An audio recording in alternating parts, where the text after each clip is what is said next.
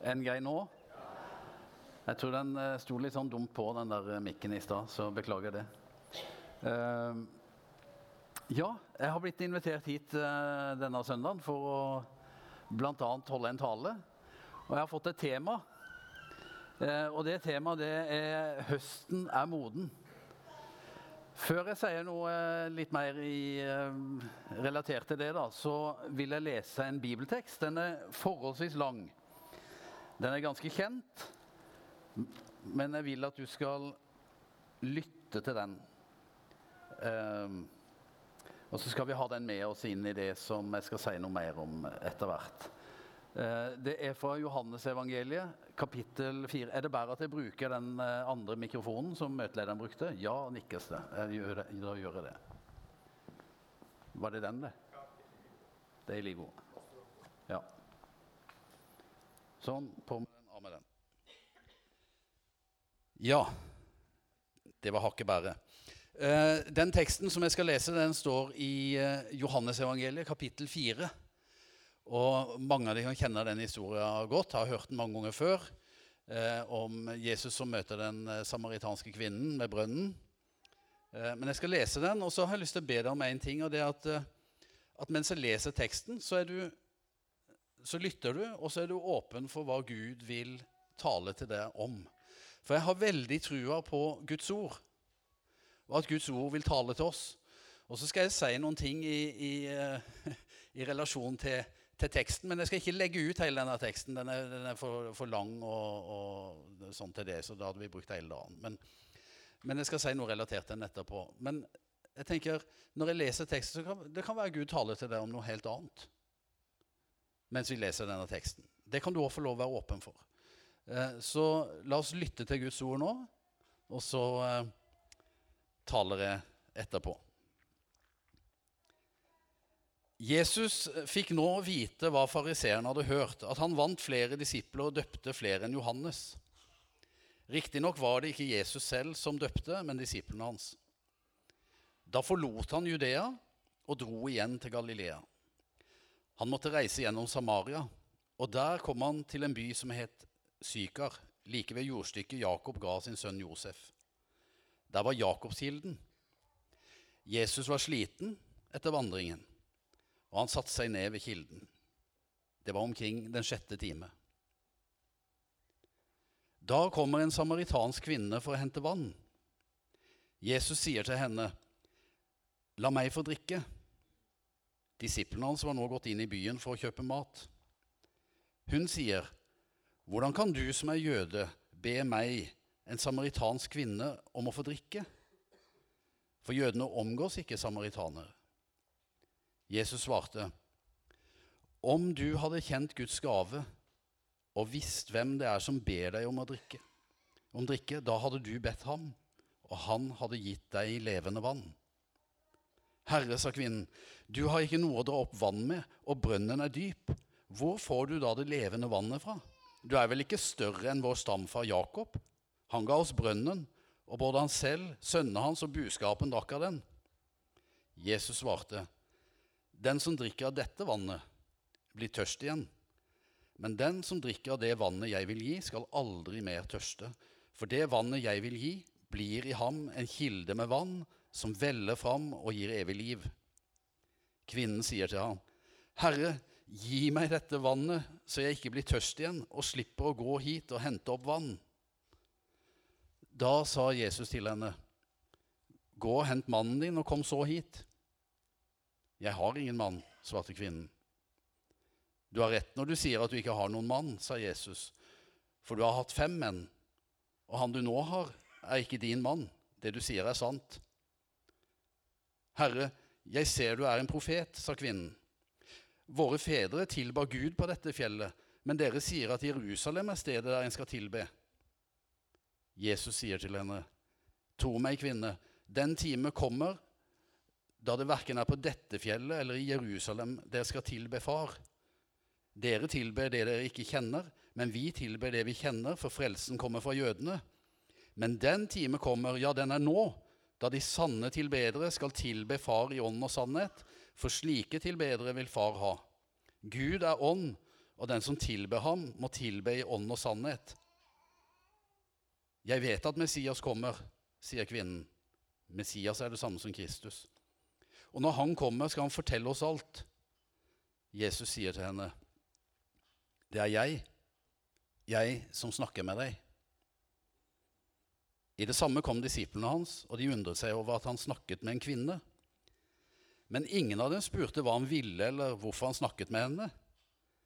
Kvinnen lot nå vannkroken sin stå og gikk inn i byen og sa til folk, Kom og se en mann som har fortalt meg alt det jeg har gjort. Han skulle vel ikke være Messias? Da dro de ut av byen og kom til ham. I mellomtiden ba disiplene Jesus, Rabbi, kom og spis. Jeg har mat å spise som dere ikke vet om, svarte han. De sa til hverandre, har kanskje noen kommet med mat til han?' Men Jesus sa til dem, Min mat er å gjøre det Han vil, Han som har sendt meg, og fullføre Hans verk. Dere sier, eh, ennå er det fire måneder til innhøstingen. Men jeg sier dere, løft blikket og se på markene. De står alt hvite mot høst. Den som høster, får sin lønn og samler inn grøde for det evige liv, slik at den som sår og den som høster, kan glede seg sammen. Her er dette ordet sant. En sår og en annen høster. Jeg har sendt dere ut for å høste det dere ikke har hatt noe arbeid med. Andre har arbeidet, og dere har gått inn i det arbeidet de har gjort. Mange av samaritanerne fra denne byen kom til tro på Jesus pga. kvinnens ord da hun vitnet. Han har fortalt meg alt det jeg har gjort. Nå kom de til ham og ba ham bli hos dem, og han ble der to dager. Mange flere kom til tro da de fikk høre hans eget ord, og de sa til kvinnen:" Nå tror vi ikke lenger bare på grunn av det du sa. Vi har selv hørt ham, og vi vet at han virkelig er verdens frelser. Herre Jesus, ditt ord er sannhet, og vi ber hellige oss i sannheten. Amen.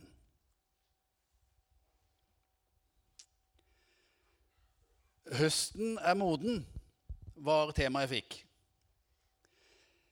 I teksten vi leste, så er det brukt et uttrykk 'se på markene'. De står alt hvite mot høst. Altså en høst som er moden, en åker som er moden.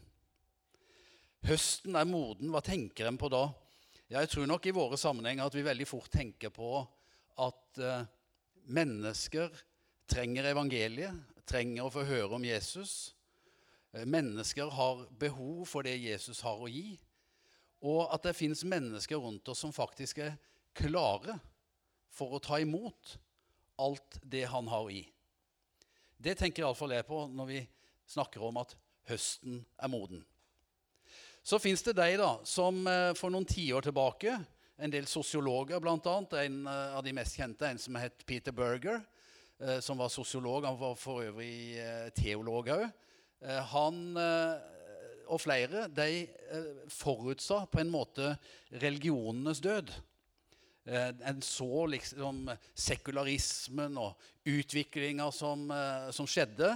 Og de tenkte at fortsetter den utviklinga her, så kommer religionene til å dø, dø ut.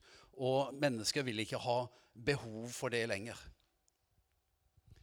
Flere, de fleste av de Eh, og deriblant Peter Berger de har gått tilbake på den påstanden seinere. For det har sett at eh, etter hvert som samfunnet, eller sånn for så vidt staten våre, eh, stater har blitt mer sekulære Det har vi sett veldig tydelig i vårt eget land. Ikke vel For en del år tilbake så fikk vi det, dette tydelige skillet mellom kirke og stat. Det er et sånn tydelig tegn på at staten blir mer sekulær. Nå skal vi ikke blande religion og politikk og, og sånn på samme vis lenger. Eh, og det kan være andre ting og trender en ser, som, som eh, går i en, sånn, i en, sånn, retning. Men det eh, mange er enige om, det er at om stater blir mer sekulære, så blir ikke nødvendigvis samfunnet det. Der skjer det de fleste egentlig en helt annen utvikling, og det er i retning av et mer det vi kan kalle pluralistisk samfunn. Og Det betyr nettopp ikke at, at, at mennesker slutter å tro eller har eh, ikke har noe, behov for en, en, overbygning over livet sine og finne den større mening lenger, eller, eh, eller sånt. Men det, finnes, det, det, betyr bare at i samfunnet, og sånn som vårt samfunn har blitt etter hvert år, så, så uh, fins det veldig mange ulike svar på det. da. Folk søker i ulike retninger og ulike religioner. Og der ser vi òg i vårt eget land at vi har et større mangfold enn noen gang. Men jeg tror, jeg tror at behovet for Jesus, og jeg tror også egentlig åpenheten og lengselen etter Gud, den er der i vårt folk ennå. Og jeg tror faktisk at den er like sterk som noen gang. Eh, jeg er bare ikke sikker på om vi ser den og gjenkjenner den alltid. Løft blikket, sier Jesus. Skal komme tilbake til det. Eh, jeg tror eh, I tida vi lever i nå, så tror jeg bl.a. noe av det som mange har satt sin lit til, som er liksom materialismen og stadig økt velstand og alt sånt, jeg tror det har fått seg en skudd for baugen blant mange. At en ser at det å, å, å, se for seg en framtid der vi liksom bare skal øke på og øke på med de tinga, det, det, er ikke en farbar vei. Eh, og eh, i det så ser jeg ganske tydelig tegn på at mennesker åpner seg opp eh, for en eh, eh, Leter etter noe annet. Etter andre svar. Noe annet å fylle eh, livet med. det fins en åndelig lengsel blant mennesker i vår tid. Det er ikke fire måneder til som det ble sagt i denne teksten, at høsten er moden. Den er moden nå. Høsten er her nå. Eh, en hører rapporter om, om, det rundt forbi landet vårt, om mennesker som søker til Gud. Det har vært veld, veldig spennende å høre eh, siste året bl.a. fra menighetene våre i Nord-Norge. Tromsø, Narvik, Bodø. Vi har jo ofte tenkt på Nord-Norge som der, der, skjer liksom ingenting, og det blir bare svakere og svakere. Men, men der har det skjedd masse spennende ting. Og mennesker Jeg holdt på å si eh, reinspikka sekulære nordmenn som har begynt å søke etter noe annet, og som kommer til tro. Og som har blitt lagt til menighetene våre. Veldig spennende sted. Og, og i, i Bodø så er det bl.a. en del eh, eh, av våre nye landsmenn da, som òg har, menighetene har fått kontakt med. Eh, og opplever en veldig stor inngang der, og får evangeliet der. Det, det, det oppmuntrer meg å høre at det skjer sånne ting i vårt eget land, og kanskje i en eh, landsdel som vi har tenkt at der, eh, der, foregår det fint lite av den slags. Men så hører vi jo ikke så eh, mange kilometer herfra, på Vigeland, om eh, eh, møter og vekkelser. Eh, kanskje litt på den gamle måten, som noen tenker. Men det, det, er jo fantastiske rapporter og gode ting en hører skje. Menneskers liv blir eh, forvandla. Folk kommer til tro. Folk får erfare Gud. Eh, senest fredag kveld så var vi samla med menigheten vår ute på Lysstøper i Kristiansand. Vi hadde en sånn inspirasjonskveld med åt pizza sammen. Og, og, sånt. Og så var det bare anledning til å fortelle ting fra det siste. Om eh, ting en har opplevd, det som har skjedd. Og jeg opplever der òg i vår egen forsamling en helt ny sånn forventning til det Gud vil gjøre og rapporter om, eh, om, eh, folk som tar imot Jesus, og ungdommer som tar imot Jesus. Eh, ungdommer som opplever sterke ting med Gud. Vi har hatt en sånn gjeng i, i sommer blant annet, med noe, sånn, noe de kaller for ferdig konfa. Det er de som eh, går liksom året etter konfirmasjonen. Og de har bl.a. vært på misjonstur til, til, Polen sammen med eh, han, sønnen til Tormod Bakkevold ute i Søgnesen, driver sånn misjonsorganisasjon. Og og som de sa, Vi dro av gårde egentlig med en helt håpløs gjeng. og de lurte på hva, altså, i vide verden skal Gud bruke det her til. For de, de virra rundt med noen mobiltelefoner og alt mulig. Men så kom Guds ånd over den gjengen og møtte dem. Og så er det våre egne ungdommer som frimodig går ut på gaten. De var i Polen da, og leder mennesker til Jesus og kommer, kommer hjem igjen og er liksom for, forvandla. Og de skal fortsette å være sammen. De skal ikke bare ha det ene året med ferdig komfort, men de, de, skal, de, skal, fortsette. Og Så forteller de samme lederne at nå er det et nytt konfirmantkull på gang. Det er 46 konfirmanter der ute nå. Og så tenker jeg, Det er bare noe som forteller meg høsten er moden. Og Når jeg kommer hit i formiddag og jeg ser den, den der flokken med unger som er her, og førsteklassinger som står her oppe, så tenker jeg høsten er moden, og de kan fortelle om nå starter vi opp med konfirmanter igjen. Ja, det har kanskje vært en down, men nå er det noe på gang igjen. Jeg tror at høsten er moden. Jeg tror at den er det der jeg bor. Jeg tror den er det her på Lund. Jeg tror den er det i Kristiansand. Og jeg tror den er det i landet vårt. Eh, høsten er moden. Og fordi vi tror at høsten er moden, så har Misjonskirka Norge sagt det at vår strategi for åra som kommer, det er at det er tro, sende, plante. Vi vil ha fokus på dette, at vi vil lede mennesker til tro på Jesus. Det, altså, dette er det vi vil konsentrere oss om i åra som kommer. Vi tror at høsten er moden. Vi vil lede mennesker til tro på Jesus. Vi vil sende ut flere medarbeidere. For hvordan kan noen tro om de ikke har hørt? Og hvordan kan noen høre om ingen forkynner? Og, hvordan, øh, hvordan, kan noen forkynne for dem uten at de er sendt? Ja, så Vi må sende flere medarbeidere. Det er kjempespennende. Se nå Forrige uke så fikk jeg eh, rapporter Nei, denne veka Eh, så bilder fra noen av våre unge som har eh, dratt til, til Oslo eh, og Trondheim. Unge mennesker som har jobba og virka i Misjonskirken Ung de siste åra. Har flytta på seg, dratt fra Sørlandet blant annet, og noen av dem, til Oslo og Trondheim. Starta opp nye studentfellesskap I, midt i Oslo og midt i Trondheim. Det er store byer der vi ikke har hatt spesielt eh, sterkt nedslagsfelt. eller noe sånt. Men noen som bare har trua på det, at det kan skje noe nytt. Og Da skjer den tredje tingen som er i visjonen vår, at vi vil plante. Vi vil plante stadig nye fellesskap, nye menigheter. Vet du, Det kan være et litt sårt tema i, eh, i Salem. Det skal komme litt tilbake til det og kanskje her. men eh, Greit nok, det. Men husk det, da. Tenk, nå, nå kommer det konfirmanter igjen her.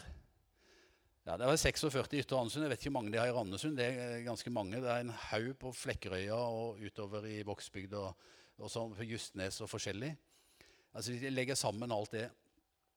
Eh, vi hadde aldri hatt så mange konfirmanter i Salem uansett hva vi hadde gjort. Men evangeliet har gått videre. Vi når mange flere mennesker, for det har også blitt planta nye, nye, fellesskap.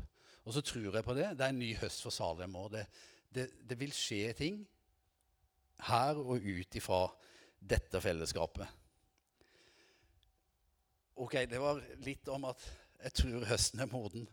Um, så sier Jesus noe litt uh, interessant i den teksten som vi leste mot slutten. der, for når, Han har jo denne her samtalen med den samaritanske kvinnen. Her er jo, en, her er jo et menneske som blir møtt av Jesus.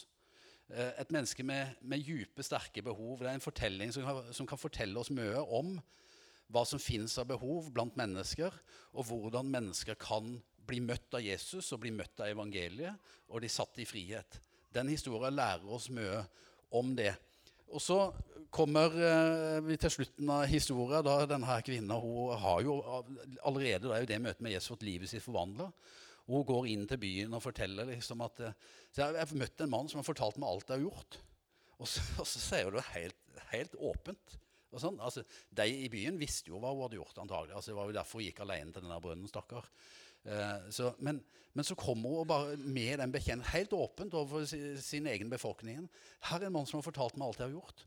Eh, og, eh, og, og, det er tydelig at det har skjedd noe i livet hennes sitt. Og de drar ut for å se hvem denne mannen er. Og I mellomtida så kommer da altså det her, eller så har Disiplene de har, jo, de har jo kommet tilbake til Jesus, sett at han snakker med denne kvinnen ser at hun eh, forlater Jesus der, setter fra seg krukka og bare eh, går.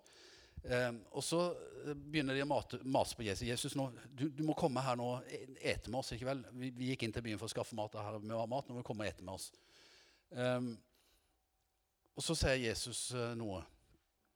At uh, min mat jeg, eller, han, han, sier sånn at uh, 'Jeg har mat å spise som dere ikke vet om', svarte han. Og så lurer jeg på hva er det for noe? Og så svarer Jesus, min mat er å gjøre det han vil, han som har sendt meg, og fullføre hans verk. Hva mener han med det? Jo, Jesus sier på en måte at det han lever på, altså det han er her for det er jo sånn det står en annen sted i Bibelen, Hvis vi ikke har noe annet å leve for, så står det bare så, ja, så la oss ete og drikke og være glad. Da. Altså, da, er ikke vel, da er det det vi har å leve for. Ete og drikke og være glad. Eh, men han sier jeg har en annen mat. Og hva er den? Jo, det er å gjøre hans vilje, som har sendt meg. Og hva er hans vilje som har sendt meg? Jo, det er å fullføre hans verk, sier han. Og det er ganske interessant, og en ganske interessant ting òg i eh, en jødes ører. Å fullføre Guds verk. Eh, for de hadde en forståelse av at eh, Gud, han, han fullførte sitt verk under skapelsen. Når vi leser i første Mosebok at eh, så skapte Gud sånn og sånn og sånn, og, så, og han så at det var, var, godt. Alt var godt. Der fullførte Gud sitt verk, og så hvilte han på, på, på den sjuende dagen. Så var det noen andre som hadde en, en, en teologisk tenkning som gikk i, i, retning av at og han fullfører også sitt verk ved at han, han opprettholder alt. Men det Jesus sikter til, det er jo at han er sendt for å fullføre Guds verk, som er hva for noe? Jo, at han er sendt som en soning for våre synder. For alle menneskers synder. Han er sendt som en redningsmann til en verden som har vendt seg bort ifra Gud, som ikke vil ha noe med Gud å gjøre, og for å kalle de tilbake.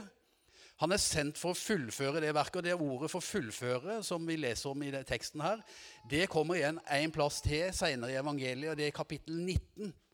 Når Jesus henger på korset, og han roper ut 'Det er fullbrakt', da fullfører han det som Gud har sendt han for å gjøre. Å dø som en soning for våre synder. Der fullfører han det verket. Det, for, det ordet det kan også for øvrig bety det er fullt ut betalt. Jeg glemmer det. Hadde en, en jeg kjente eh, bort på Vestlandet jeg bodde der for mange år siden, Bjarte. Og han, han, fikk oppleve Det var tilbake i den tida der, eh, der også renta steig. Eh, og enda verre enn den gjør eh, kanskje akkurat nå. Den gikk iallfall veldig mye lenger opp. Og mange av de husker det. På det var slutten av 80-, begynnelsen av 90-tallet. Og vi fikk dette begrepet med gjeldsslaver. Jeg hadde aldri hørt om det før. Men plutselig så gikk alle og snakka om gjeldsslaver.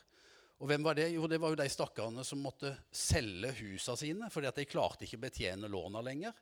Og satt med gjeld til langt opp på ørene. Etter de hadde solgt huset, så satt de fortsatt med gjeld. Og noen fikk en eh, hestekur av en annen verden, og ordninger med banken og, og, og med, med, gjeldssanering og, og, sånt greier som det. Og han Bjarte, stakkar, han, han, kom jo inn på en sånn ordning som jeg tror varte i åtte år. Et, et, etter han hadde kommet inn på den, så gikk det ikke så lenge, så tror jeg det ble en sånn greie med at de, folk bare skulle være på det i fem år. eller noe sånt, Men han var på det i åtte år og sleit med å få endene til møtet. Han jobba ute i Nordsjøen, tjente for så vidt greit. Men alt gikk jo for å betale på den elendige gjelda. Og det var sånn, Jeg har ikke råd til å kjøpe julegaver og sånn til, til, til, jul. og sånne ting. Det var, altså det var, det var ganske tøft. Du glemmer ikke den dagen jeg kom på besøk til, eh, til Bjarte. Og, så, og Han stålte som en sol. Og da hadde han fått, hadde han fått melding om at nå var all gjelda betalt all gjelda var sletta. Og han ringte jo inn til denne her uh, telefonen vet du, til registeret sånn for å uh, sjekke opp uh, seg sjøl. Og så, så, ringte han inn, og så var det sånn, sånn svarer. da, sånn, da ringte så, så sa Det fins ingen heftelser ved Bjarte, så kom resten av navnet hans. Og hadde, hadde, han ringt flere ganger, da, bare for å høre det. Det fins ingen heftelser. Alt var betalt. Gjelda var sletta. Det var derfor Jesus kom. Den gjelda som vi sleit med, og som vi, vi, vi egentlig ikke hadde en nubbekjangs til å betjene eller betale sjøl. Han kom, og han betalte den. Han har sletta den. Han har fullbrakt verket. Og dette er viktig for meg å snakke om òg i relasjon til det temaet som vi dro i gang med høsten er moden, og evangelisering og sånne ting. For hør, Kristendom og kristen tro det handler ikke først og fremst om hva du og jeg skal gjøre, men hva Gud har gjort. Og hva Jesus allerede har gjort. Han har fullført frelsesverket. Um, og det, det, er jo interessant det at Derfor kan han også si at løft blikket og se markene stå allerede hvite mot høst. Han visste hvor han gikk mot korset, og han visste at når jeg dør på det korset, og soner all verdens synd, da er hele grunnlaget lagt for at vi bare kan begynne å høste inn.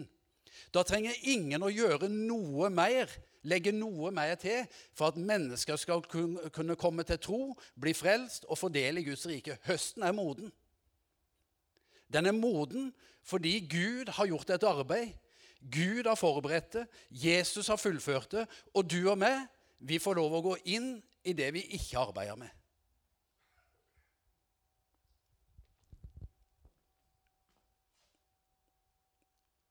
Det er interessant i den teksten vi leste at Jesus han beskriver seg bare som Messias, løfteskongen. Men her i den teksten så beskrives han helt til slutt som verdens frelser. Jødene og samaritanerne hadde jo det felles at de venta på Messias, eller eh, meldte på, var, kalte det Taheb, eller noe sånt. Altså, men det var et, egentlig et annet ord for en sånn, sånn uh, Messias-skikkelse som, som, skulle komme. Det venta de på. Men i slutten av den teksten her så, så, så står det at uh, så kalles Jesus for verdens frelser. Og vet du, det, det kalles han ikke for så veldig mange ganger i evangeliene. Men Johannes bruker det uttrykket ganske bevisst. Og Johannes skriver også litt tidligere for så høyt har Gud elsket verden.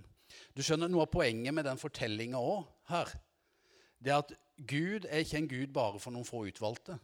Jødene var jo det utvalgte folket. Samaritanerne hvem var det? De var forkasta av Gud, tenkte iallfall jødene. Gud vil ikke ha noe med sånne å gjøre.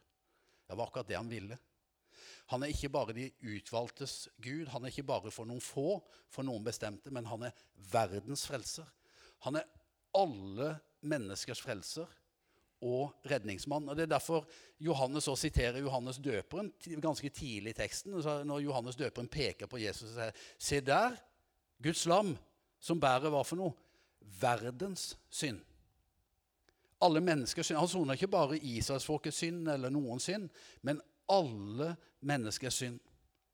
Han er verdens frelser. Og han har fullført frelsesverket. Alt er ferdig. Alt er gjort. Og det er det høstarbeidet holdt jeg på å si, som vi får lov å gå inn i. Vi er sendt for å høste av det arbeidet som er gjort. Vi skal høste av det arbeidet Gud starta, som Jesus fullførte. Høste av det han gjorde på korset, og for så vidt òg det han da har gjort i våre liv. Det er det vi får høste ut ifra. Altså, og når vi deler vitnesbyrdet vårt om hva Gud har gjort i våre liv, det er da vi får høste. Sant? Når vi forteller om hva Jesus har gjort, hvem han er. Altså, hva er egentlig evangelisering? Evangelisering det handler ikke om å eh, fortelle om hvor fantastisk kirka vår er. Noen tror jo det at det er veldig viktig å få fortalt verden om hvor fantastisk denne kirka vår er. Eller, eh, eller, at en, eh, en, eh, forveksler det nærmest med en sånn slags reklame for, for kirka. Altså, se så bra, Nå er jo bygget 20 år, da, men når vi flytta inn her, det, det, er klart det er naturlig at vi er stolte. å Se så fantastisk dette lokalet er blitt. og alt mulig sånn. Men det er jo ikke det budskapet verden trenger å høre. Eller hvor, hvor, hvor godt hvor godt barnearbeidet vi har. altså Så godt det er tilrettelagt for barna. Eller, eh, eller, eller fantastiske musikere vi har. Vi skal for all del skryte og oppmuntre hverandre. Eh, og jeg håper jeg I rett mengde og til rett tid. Altså, det er absolutt på sin, sin plass. Og det er iallfall langt bedre enn å drive og kritisere og rakke ned på hverandre. Det er vi ikke kalt det. Men, men evangelisering er noe helt annet enn å reklamere for alle disse tinga her. Det er jo å vitne vitne om Jesus Kristus. Hvem han er, og hva han har gjort, og hva det betyr for oss. Det handler om å forkynne gode nyheter. Og ikke hvilke som helst gode nyheter. Det er gode nyhetene om Jesus. Det er på en måte å vitne om, om det levende vannet som vi har fått innabords, eller som denne samaritanske kvinnen fikk lov å oppleve å drikke av. Altså at Gud ved sin ånd gjør noe i et menneskes liv. Og som symbolsk kunne la denne krukka stå og gå fri og ny tilbake til byen og fortelle om denne mannen hun har møtt, og som har fortalt henne alt hun har gjort. Det er jo evangelisering. Det er den beste evangeliseringa. Den finner sted når en som sjøl har vært sulten og tørst, forteller en annen som er sulten og tørst. og henne han kan finne mat og drikke. Kom til Jesus. Det var der jeg fikk stilt min hunger. Det var der jeg fikk stilt min tørst. Kom til Jesus. Han kan gi deg det du trenger, det du behøver. Han kan møte deg med dine djupeste behov. Kom til han. Det er evangelisering. Fortell om han mannen som har fortalt deg alt. Alt du har gjort. Altså han, han som egentlig på en måte har vist meg hvor elendig jeg var. Hvor dårlig det sto til. Altså Jeg er ikke kalt til å fortelle om hvor, hvor fortreffelig jeg er, eller sammenheng. Men, men, men, slik som jeg var, med alle mine feil og mangler, med all min tilkortkommenhet, så ble jeg møtt av en mann som kjente alt det, som likevel møtte meg med aksept, med kjærlighet, tok imot meg. Han shama meg ikke, men han tok imot meg med åpne armer og satte meg i frihet. Det er det budskapet jeg har fått lov å gå med og fortelle om.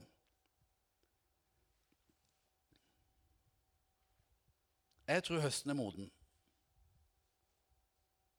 Eller den er moden. For det fins fortsatt tusenvis av mennesker rundt oss som ikke kjenner Jesus.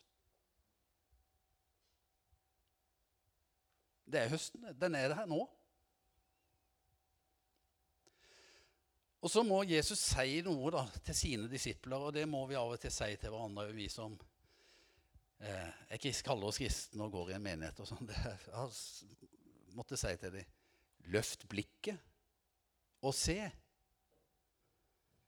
Markene står alt hvite mot høst.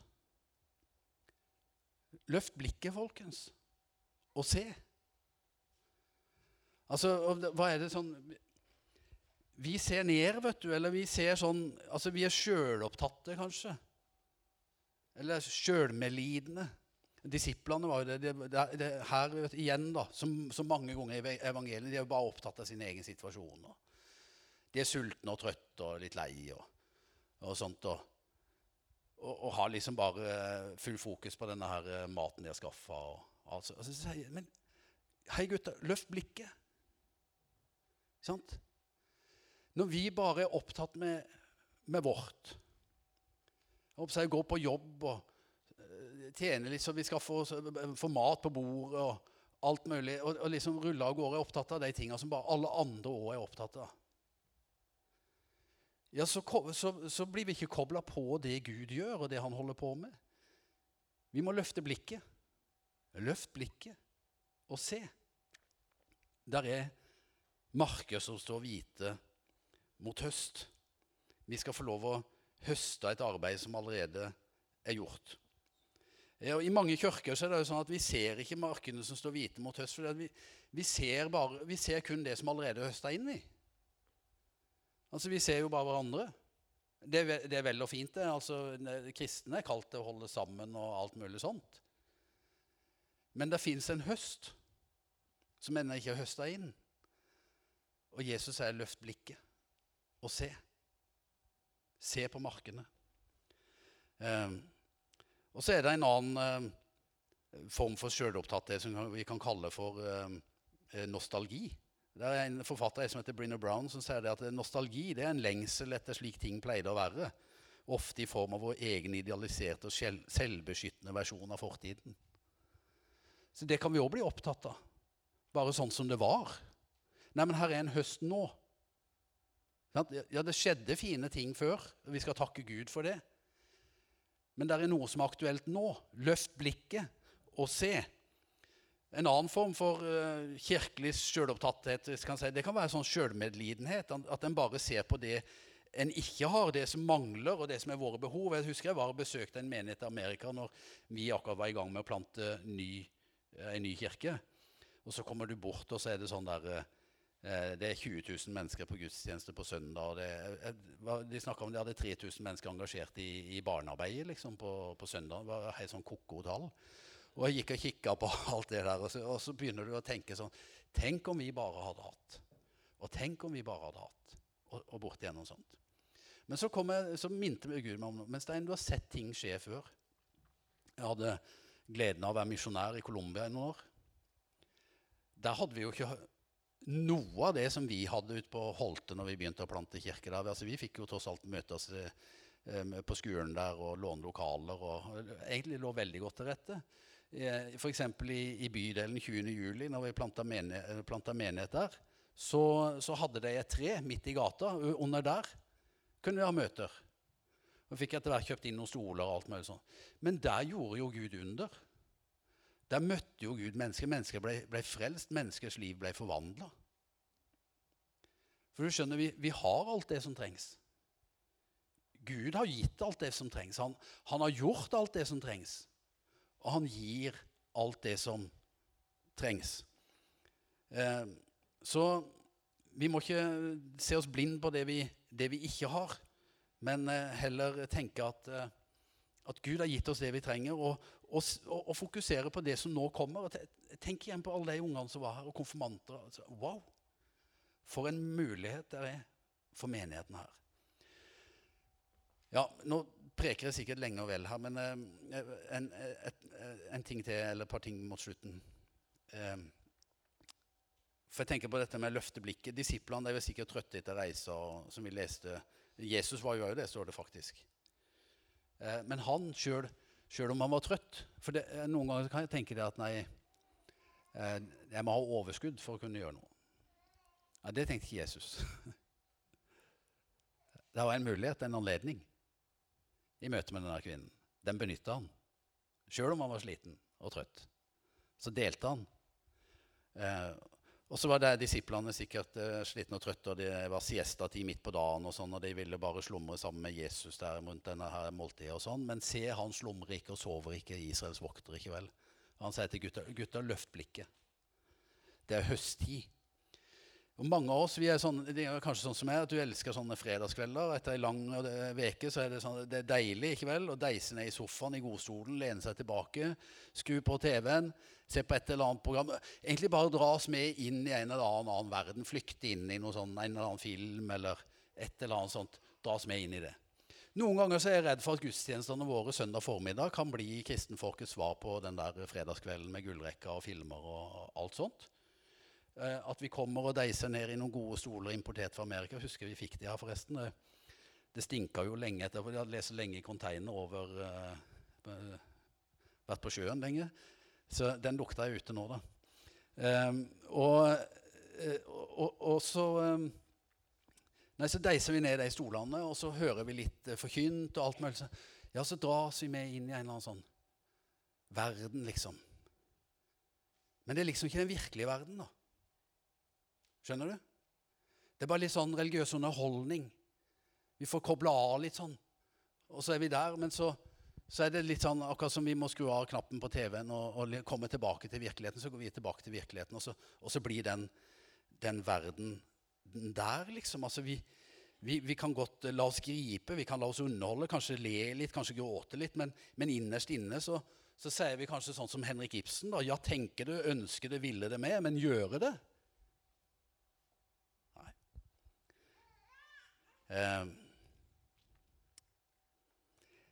I sommer så har jeg vært i Danmark. Og Der lærte jeg et nytt dansk uttrykk som jeg syns var veldig gøy. da. Fnidderfnadder. Jeg, jeg vet ikke om de kan bruke det. Betyr det egentlig bare snikksnakk. Ja. Men jeg, jeg, jeg, jeg, har tatt det uttrykket til meg. da, Fnidderfnadder. Eh, snikksnakk. Og hør Alt koker egentlig ned til et grunnleggende valg som Magnus Malm sier. Vi kan leve som om Gud er virkelig, som om evangeliet er sant, som om Jesus er den han sier seg å være, eller som om alt sammen egentlig ikke betyr noe. Mm. Er det bare fnidder fnadder, det vi holder på med? Eller tror vi virkelig på det? At han er verdens frelser? Og at mennesker rundt oss trenger å få høre vårt vitnesbyrd, evangeliet om Jesus. Det var En som sa til meg for en tid tilbake det går ikke an å ikke kommunisere sa han. Vi kommuniserer alltid noe. Spørsmålet er bare hva vi kommuniserer. Vi kommuniserer over ikke å gjøre noe, ved ikke å si noe. Vi kan ikke ikke kommunisere. Vi er kalt til å vitne om Jesus Kristus. Og så vet jeg at det er noen ting som av og til holder oss tilbake. og Det ene er sjenerthet. Litt forlegenhet. Det kan en kjenne på. Paulus han, han sier det veldig kraftfullt at 'jeg skammer meg ikke over evangeliet'.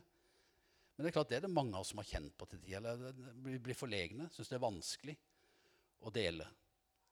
Eller vi kan kjenne på skam. Altså rett og slett at er på en måte ikke verdig å stå i et sånt arbeid. Jeg er med mine greier og mine ting. Og Da er det jo bare viktig å få sagt det igjen. at ja, men, men det vi er kalt til, det er jo ikke å vitne om egen fortreffelighet og det vi får til, eller det vi har prestert. Men det er å vitne om Han som har gjort alt for oss for å bøte på våre feil og mangler og tilkortkommenhet og alt det. Og, så det vi trenger, er bare i større grad å la det budskapet få fylle oss og få prege oss og all vår forståelse og vår oppførsel og vårt liv. Sant? Alt det han er og har gjort for meg og for oss. Um, og da tror jeg at vi kan få lov å oppleve sånn her kvinnen og drikke av det levende vannet. Der kommer en kilde inni oss. Du, jeg tror ikke på at jeg kan ut og overbevise noen som helst om hvem Jesus er, at han lever og er verdens frelser. Men jeg tror jeg kan vitne om det fordi han har gjort noe i mitt liv. Og jeg tror at når jeg vitner om det, så vil han være virksom ved sin Hellige Ånd, som kan overbevise, og som kan føde mennesker på ny som kan la deg få smake på det levende vannet, som hører vårt budskap og hører vårt vitnesbyrd. Så vet du hva, du, du trenger ikke være perfekt. Du trenger i utgangspunktet heller ikke å være veldig frimodig, for Den hellige ånd vil gjøre deg frimodig. Det sa Paulus om, om den ånd Gud har gitt oss, at han er ikke motløshetens ånd eller feighetens ånd, sånn, men han er kraft og kjærlighets- og visdomsånd. Og det er ved den ånd vi skal få lov å vitne og gå ut i dette høstarbeidet som Gud har kalt oss til. Ja. Herre Jesus, vi takker deg for din frelse. Vi takker deg for ditt verk på Golgata. Og takk at det er fullbrakt, Jesus. Og takk at det gjelder oss. Og nå ber jeg for oss som er her inne, Herre, først og fremst at du skal, du skal vekke oss opp på nytt igjen for dine sannheter, for hvem du er, for hva du har gjort for oss, hva, det betyr, og stort det er, Herre. Og la det fylle oss så sterkt og så kraftig at det flyter over. At vi ikke kan la være å fortelle om det vi har sett og det vi har hørt. Om den mannen som har fortalt oss alt. Jeg ber om det, Jesus. Kom med din Hellige Ånd over denne forsamlinga. For det er ved din kraft, og når vi blir ikledd den, at vi, at vi blir dine vitner i vårt nærmiljø og videre utover. Kom, Hellige Ånd, og rør ved oss. Kom, Hellige Ånd, og tal til den enkelte her. Kom, Hellige Ånd, og, og vis oss hvem det er du vil at vi skal gå til. Hvem det er du vil at vi skal bety noe for. Kom, Hellige Ånd, og gjør det konkret i våre liv. La ikke dette være nok en en dag eller formiddag der vi ble lulla inn i en eller annen slags verden som vi så etterpå bare forlot. Men, men la det få være en, en ny start, Herre, på en ny høsttid i denne menigheten og i våre liv. Vi ber om det i Jesu navn. Amen.